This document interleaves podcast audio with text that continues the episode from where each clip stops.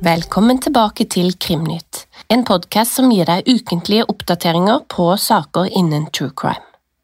6. februar 2023 falt dommen i Tengs-saken, og Jonny Vassbakk ble dømt til 17 år fengsel for drapet på Birgitte Tengs.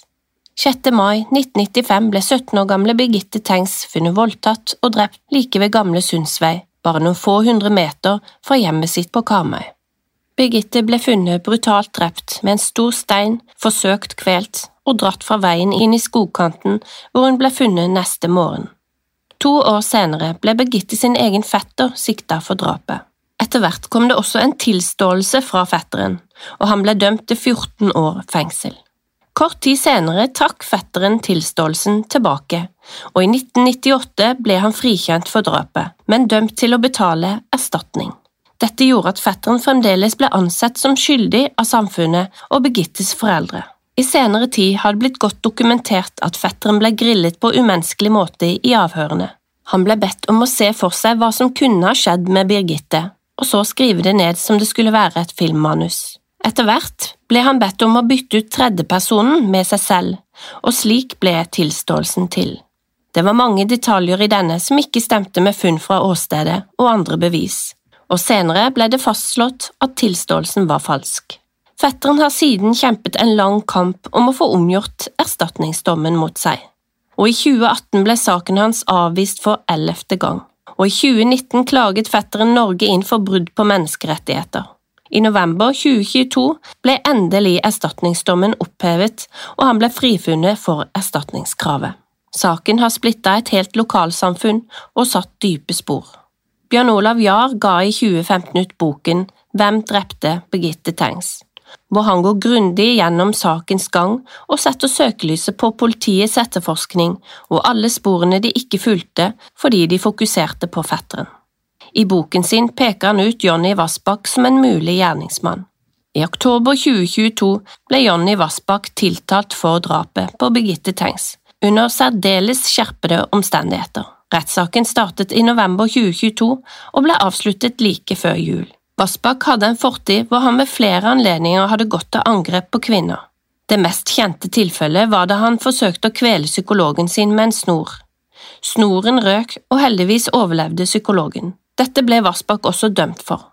Han pleide ofte å plukke opp haikende jenter, brøt seg inn i hus og stjal sko og dameklær, og han hadde flere tilfeller av blotting. Han ble også lokalt kalt Pumpe-Johnny etter å ha angrepet en kvinne med sykkelpumpe som ungdom. Kvelden Birgitte forsvant, ble hun observert lenende inntil en grønn bil. Det ble også observert en grønn bil i stor fart med en kvinnelig passasjer på vei mot Gamle Sundsvei. Under den nye etterforskningen ble det funnet DNA-spor i en blodflekk i linningen av Birgitte sin strømpebukse. Dette DNA viste seg til å tilhøre Vassbakk. I retten ble det forsøkt forklart av Vassbakk sin forsvarer at DNA kunne ha kommet på Birgitte enten via forurensing eller oversmitte. At han har vært i kontakt med noen eller noe som også Birgitte har vært i kontakt med, og at hun slik skal ha fått Vassbakk sitt DNA i blodet på strømpebuksa. Vassbakk selv hevder å aldri ha møtt Birgitte, eller at hun har haiket med han. Vassbakk har hevda sin uskyld hele veien, og da dommen ble opplest, besvimte han. Retten konkluderte 6. februar 2023 med at Vassbakk var skyldig i drapet. Retten var enstemmig. Han ble dømt til 17 år fengsel og til å betale hver av foreldrene til Birgitte 600 000 kroner i erstatning. Det er venta at dommen skal bli anka. Tidligere i Krimprat med Lise og Fiona så har vi snakka om Tina Jørgensen-saken. Der blir også Jonny Vassbakk nevnt. Så skal vi til Florida, USA. Noen husker kanskje denne saken fra 2021. En 13 år gammel jente ved navn Tristan Bailey ble funnet brutalt drept. Hun ble funnet av en jogger i en park og hadde blitt stukket 114 ganger.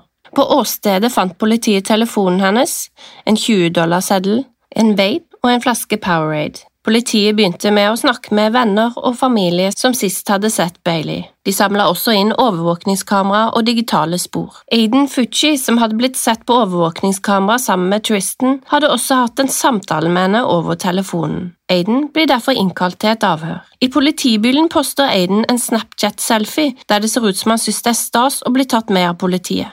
Og han skrev med caption Hey guys, has anyone seen Tristan lately? I avhørsrommet sitter han med sin mor og far, og de råder han til å ikke snakke med politiet før advokaten kommer.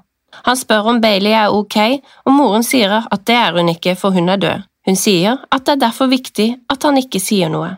Han svarer How is that my problem? 10. mai 2022 ble Aiden arrestert etter en overveldende bevismengde.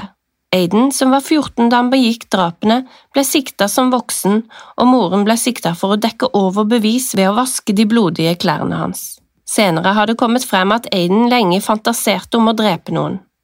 En ekskjæreste forteller at Aiden fantaserte om å finne en fremmed og drepe. Han hadde flere ganger sneket seg opp bak henne og lata som han skulle kutte strupen hennes.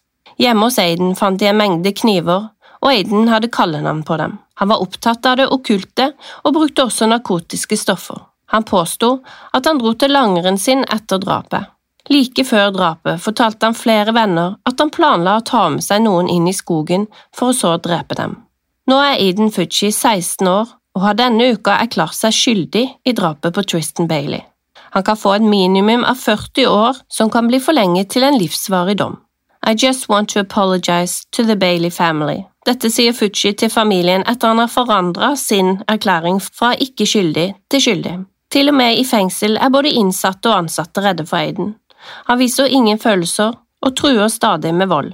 Én ting er sikkert, 16-årige Aiden kommer til å sitte lenge inne for drap, og vi venter ennå på hvor lang dommen blir. Over til en helt fersk sak. Tirsdag 7. februar 2023 så gjennomførte Jersey City Police Department en velferdssjekk på One Home Street da 33 år gamle Luz Hernandez ikke møtte på jobb. Funnene resulterte i at Jersey City Police Department kontakta påtalemyndighetene i Hudson County. Trebarnsmoren Luz Hernandez jobba som barnehageassistent, og da hun ikke møtte på jobb mandag morgen, ble kollegaene bekymra. Politiet dro hjem til henne og fant blodflekker ved ytterdøra og starta søket etter Hermandes. Senere samme kveld ble Luz Hermandes funnet i en grunn grav. Beloved Charter School er i sorg og holder stengt på onsdag. Grunnleggeren for Beloved, Brett Schunder, uttaler at alle elsket henne og er i dyp sorg over tapet. Allerede 9. februar skriver Fox News at dødsårsaken er fastslått. Luz Hernandez er blitt drept ved slag til hodet og kvelning. Og så må vi gå litt tilbake i tid. For søndag 5. februar ble to menn stoppa med en uregistrert bil som da ble beslaglagt. Da politiet undersøkte videre, kunne bilen kobles tilbake til Luz Fernandes og der kroppen hennes ble funnet. Føreren av bilen var nemlig hennes eksmann som hun hadde vært sammen med i over 17 år. Paret var blitt separert i november, og sammen hadde de tre barn, og bodde fremdeles på samme adresse. På søndag hadde eksmannen, Cæsar Santana, tatt med barna i kirka og sa at Hernandez hadde gått ut før han hadde våkna. Cæsar Santana ble senere arrestert av US Marshals på et motell han tydeligvis var på flukt. 36 år gamle Cæsar Santana ble sikta for kjending og å skjule et lik, mens kameraten fremdeles er på frifot. Det var politiets kobling av denne bilen som førte til at Luz Hernandez ble funnet så raskt etter at hun var meldt savna. Familie forteller at Hernandez hadde prøvd å få Santana til å flytte ut, men han hadde bare utsatt det. Krimnytt vil følge utviklingen i denne saken. Det var alt vi hadde for denne gang, og så høres vi igjen neste uke.